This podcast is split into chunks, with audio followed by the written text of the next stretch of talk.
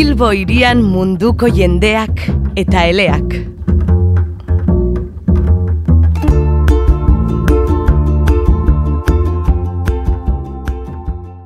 Kaixo entzule guztioi, hemen gaude, bakaiku, Nafarroan, Gabrielistiko barnategiaren ikasleak gara, eta gaur kirol ezberdinez, gertaeraz, iragarkiez, egina alduzun egun guztioko plana, eta hemengoz eguraldiz hitz egingo dugu. Atal bakoitzak bost minutu arteko iraupena izango du, eta orain guk, Naia eta Melisa, kirolari buruz hitz egiten hasiko gara. Horretarako gaur bakaiko kirolari ezagun bat ekarri dugu. Hemen eta inguruan egiten diren kirolen berri bat emateko.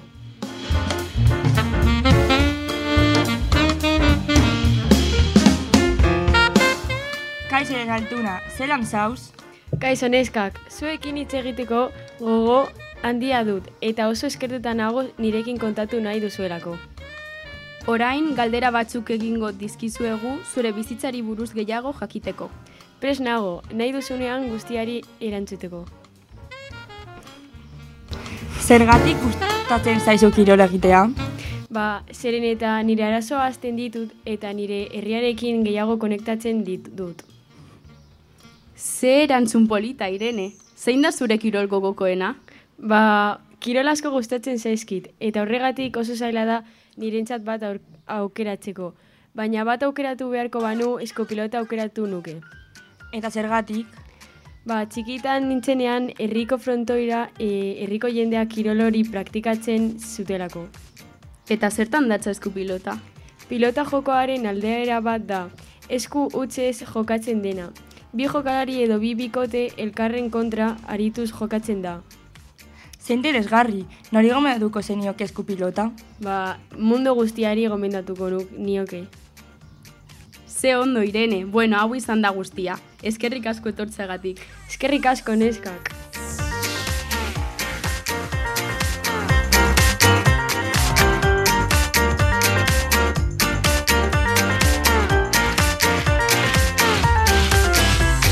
Eta zuei entzula ungarriak usten dizuegu gertakariekin.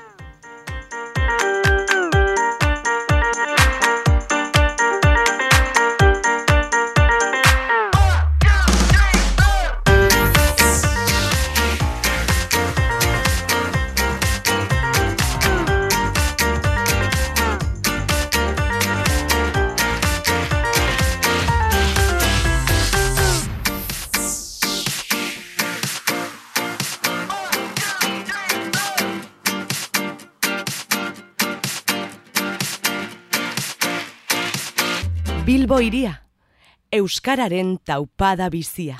E, ba, kaixo, gu Lucia Gilen eta Endika gara, eta gaur historio batzu kontatuko dizkizuegu.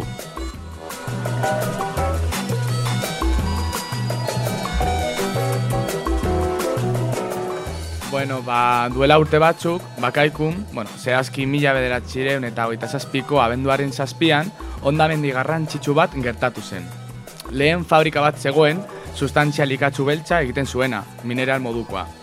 Fabrika hori bakaikuko auzo zahar batean kokatuta zegoen, eta bertan Agustinen anai bat lan egiten zuen. Agustin, gaur elkarrizketatu dugun herriko gizon bat da, eta kokatzen eta kontatzen ari naizen guztia, e, berak eta Margarita izeneko neska batek kontatu digu. Agustinek kontatzen zigun nola bere anaia lan egiten zuen, eta e, mila bederatxireun eta hogeita zazpiko abenduaren zazpian, bi gizon sartu zirela e, fabrikara eta e, zua eman zioten fabrikari. E, bertan bi hildako egon ziren eta bere anaia itxu geratu zen. Fabrika guzti zuntxituta geratu zen. Agustinen familiar batek gertatutakoa konturatu zenean, fabrikari zua eman zion gizon bati hil egin zion, eta bakaikutik iez egin zuen alboko mendi batera. Han, itxarongo zuen, ea Elisako kanpanak entzuten diren, ala ez, zeren eta Elisako kanpanak entzuten baziren, ba, gizon horrek hilda egongo zen.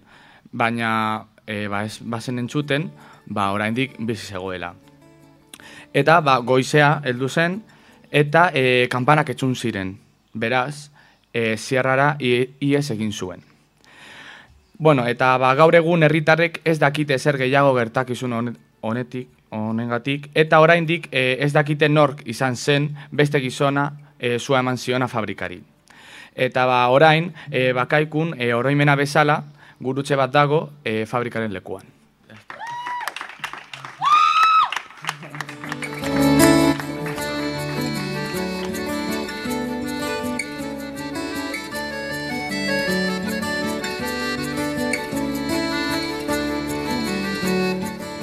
Gaur goizean, e, joan gara irurok margari margarekin hitz egitera, margari hor bizi da, e, hemen bos, minutu dik hemendik, eta e, galdetu dugu ea ea kontatu digun e, agerpenezko edo paranormalesko historia bat, eta esan digu e, hemen bakaikun e, duela eun urte, gutxi gora bera, e, pertsona asko joaten ziren belardi batera, eta horra joaten zen jendea zorabiatu egiten ziren eta esaten zuen ikusi ikusin zutela El Niño de Jesus de Praga. Eta e, kornotea berreskuratu zutenean, etxera llegatzen zuten eta asko ez zuten gogoratzen zer gertatu zen, zer ikusi zuten, non egon ziren.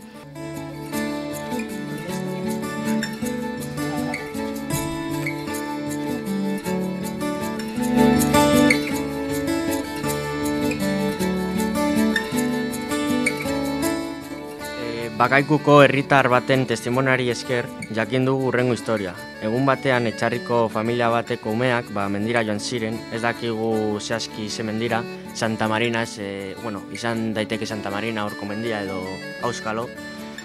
Bueno, e, gauza da, ze mendi horretan, bigarren guduaren aztarnak zeudela, eta umeak ba, esplosibo bat aurkitu zuten, eta ideia ona iruditu zitzaien ba, etxera eramatea bere logera ba, apaintzeko. E, beraiek ez ekiten esplosiboa beteta zegoela. Eta bueno, imaginatzen, e, imaginatzen zarete zer getatu zen, ez? Ba, hiru urte pasata gero, ba, ba batean esplosiboa e, estandagin zuen eta familia guztia hil zen. Herritarren ustez hau izan da e, zonalde honetako historiarik gogorrena.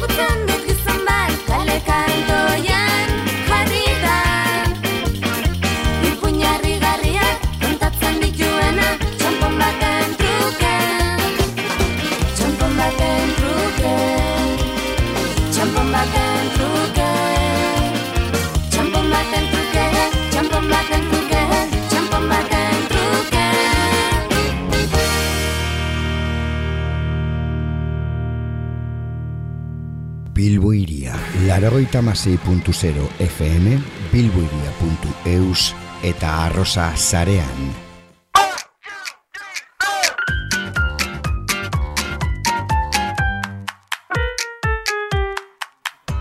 Ezeraren erdian dagoen baserri batera joaten zara eta zure bizitzako maitasuna aurkitzen duzu. Eta ez zara prestatuta etorri. Ez kezkatu, durex edonora laguntzen dizu. Eta okera, eskaintzen dizu abenturaz gozatzeko. Beriaineko tontorrera ailegatuko zara. Eta horretaz gaiz, bi e, bider bat eskaintza berri batekin. Ez galdu durexeko babesten du espazio hauetan.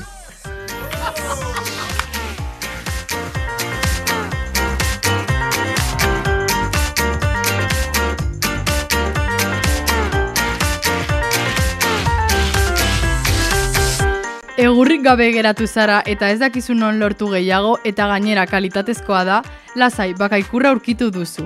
Nafarro egurraren kalitate onenekin lan egiten duen enpresa gara. Santa Marina mendiaren puntatik botatzen diren zuaitzak erabiltzen dugu, non lurrak mineral bereziak dituen. Guk esaten duguna sinesten ez baduzu, egiaztazu ezazu zeure burua. Zatoz bakaikura eta ikusiko dituzu herritar guztian beren eskuekin egur izugarria mosten. Interesatuta bazaude, deitu. 666-666-666. Telefonora, errefikatuko dut. 666-666-666.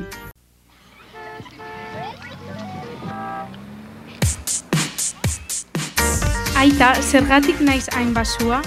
Ai, neska, e, ez edaten duzulako kaiko esnea. Aber, utzi da zu pizka bat frogatzeko. Tori. Baina, zego ze dago, nola ezagutzen zenuen esne hau? Ba bueno, ni zure adinekin bakaikuko behiak gesten nituen. Esne hau, eskalerriko esnea oberena da, oso aberatza delako fosforoan. Ai, ze ondo, aita. Euskal Herrian jaso eta ontziratzen den esne bakarra. Egunako eta ordu alaxe ikasi nuenik Zeo zer sakon hau esan nahi eta bururatu ez besterik Ekutan egongo nintzen irratia piztuta Gau pasatan enguen eta erainuak itxututa Ez da posible Zenuke ametsetako esperientzia bat bizi nahi bi aste osoz bakaikun? Orain esaten duzunez, ez dut inoiz pentsatu. Zertzan, zertan dantza? Ara, esperientzia, esperientzia paregabea da, non ezer ezerdian galdutako baserri batera joaten zara, ezer eta inor ikustera. Horretaz gain, ezin duzu gaztelenia hitz egin, harrapatzen zaituztenez lehenengo jaikitea tokatuko zaizu, mahaia jartzeko. Hala ere, goizean, sortzit erdietatik e, bitati, bitara, bitartean Euskara trinko bat izaten da. Gero, jera izeneko txef pribatu batek prestatuko du baskari liruragarria ja, jaten dugu. Eta ondoren, arratsaldean jarduera desberdinak egiten ditugu. Hala nola, mendira igotzea, urjokoak, kirola, jinkanak, baina zalantzarik gabe onena kuskuseroaren ga, e, gauzak irakurtzea pasatzen ditugu gaualdi entretinigarriak dira. Jo, bagian bai apuntatuko nuke barnetegi horretara.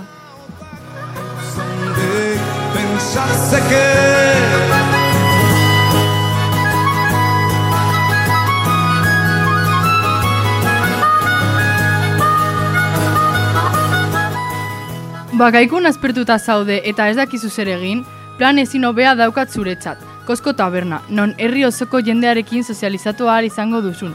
Bai adinekoekin, bai amairu urteko aurrekin. Tabe, taberna irekita dago egun osoan, eta edozein unetan joan zaitezke ara. Gainera, goze bazara beti ezka dezakezu bokata bat edo pintxito bat. Eta egun berezietan oparitu ere egiten dizute. Edateko zerbait eskatzen baduzu. Zoio bat da. Eta adin nagusikoa bazara zortzi txupitu eskatu ahal izango dituzu jarraian.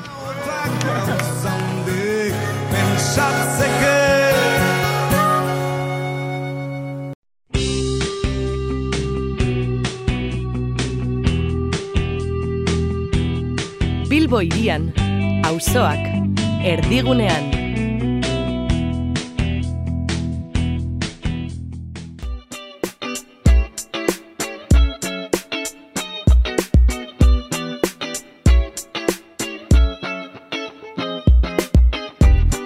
Garatzen azez nagaioan txutean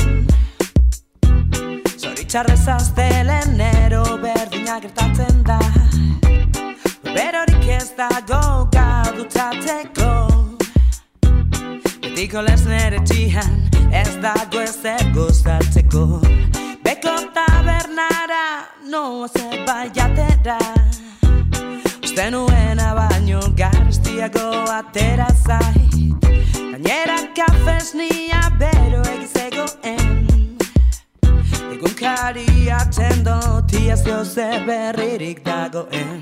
Eskatasun gabeko mundu batean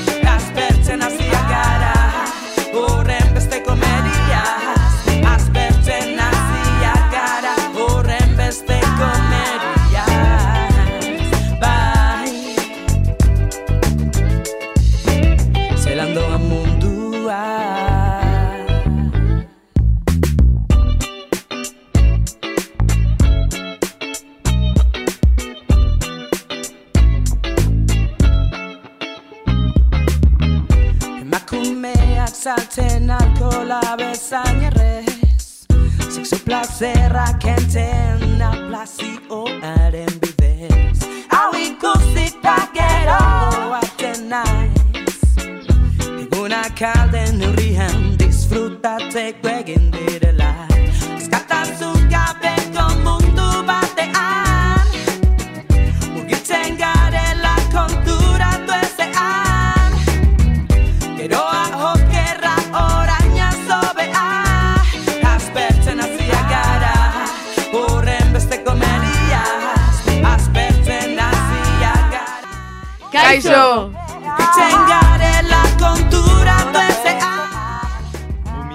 Naia eta Elena gara eta ongi etorri gaur zer bakaikun gure atala.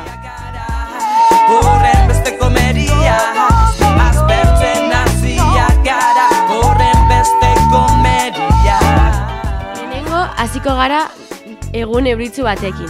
Demagun ez natu zarela eta leiotik ikusten duzura euria egiten ari dela. Zer egingo zenuke ba? Eta etxean geratu ez da aukera bat. Ba, egun horretan obrena izango litzateke igar...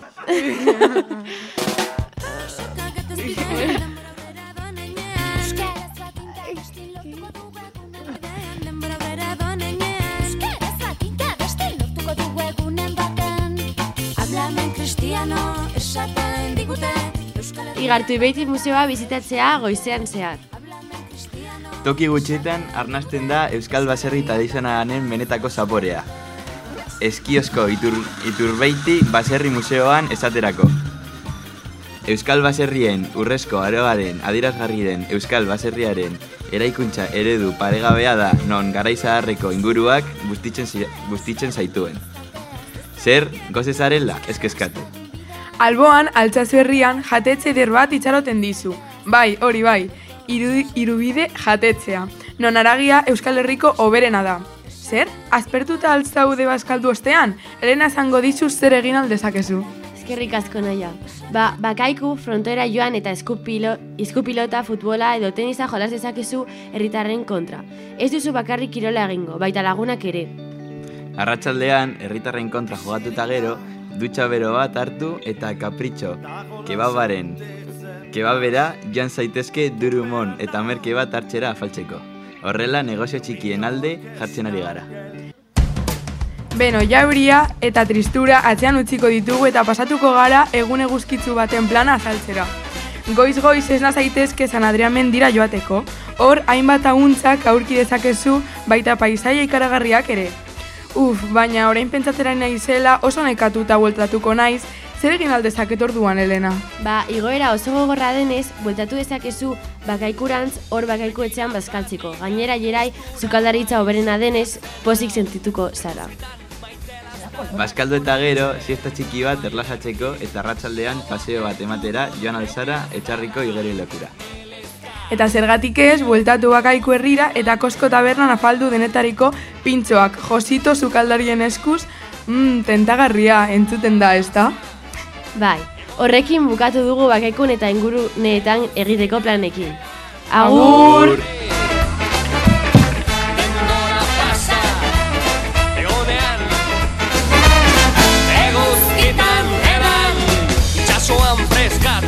Hau sentzazio gozoa Gustuaren gustu utzaz Isegin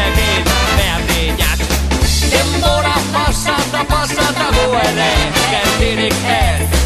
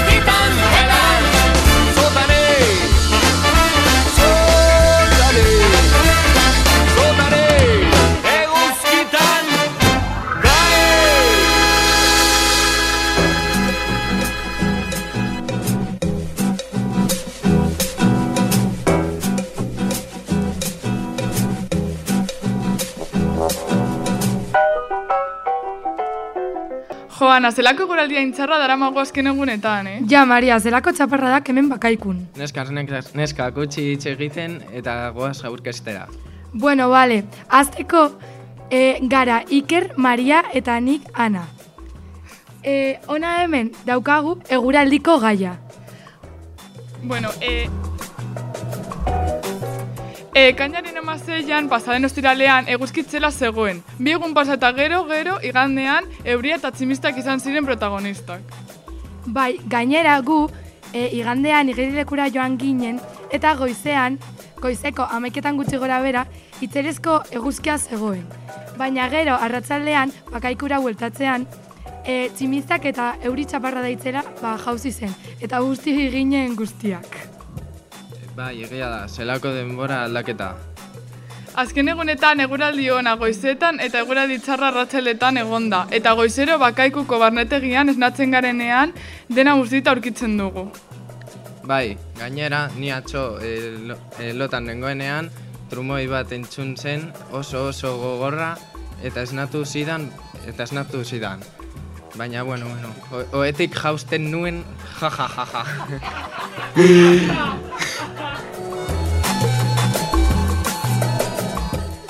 Tximista ikaragarria zen, eh? Gero, e, e, sustoa neukan e, nire, nire gurputxan eta izeinezkoa zen e, berriro lo egitera.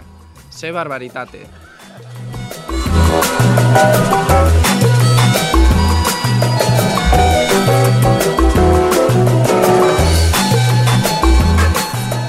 Ze anekdota hain ona, Iker. Bai, nik ere trumoi hori eta trumoi asko entzun nituen atzo. Ni bernategira etorri baino lehen uste nuen denbora hobeagoa izango zela. Ni baita praka motza asko ekarri ditut eta azkenean ezertarako. Urrengo egunerako zer eguraldi egongo den esaten dute. Ba, nik ez dakit. Bilatuko, bilatuko dut.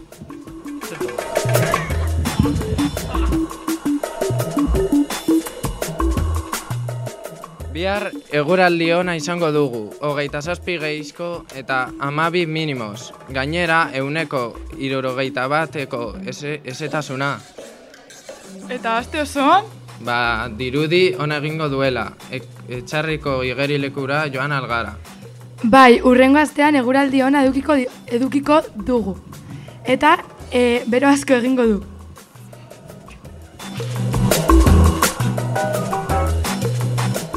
Eta hau esan da guztia, Kirola gertaera, kiragarkiak egun guztiko plana eta guraldi buruz hitz egin ostean agurtzen zaituztegu. Ba, niri superinteresgarria iruditu zait kirolaren informazioa. niri gusta, gehien gustatzen zaidana gertaerak izan dira. Bueno, egoraldia esan ezik. Bai, niri planak gustatu zaizkit, proposatuko diet nire kuadrillari. Zelako lekua den bakaiku, eh? Gomendatzen duzu egu etortzea. Eta orain bai, urrengora arte. Agur!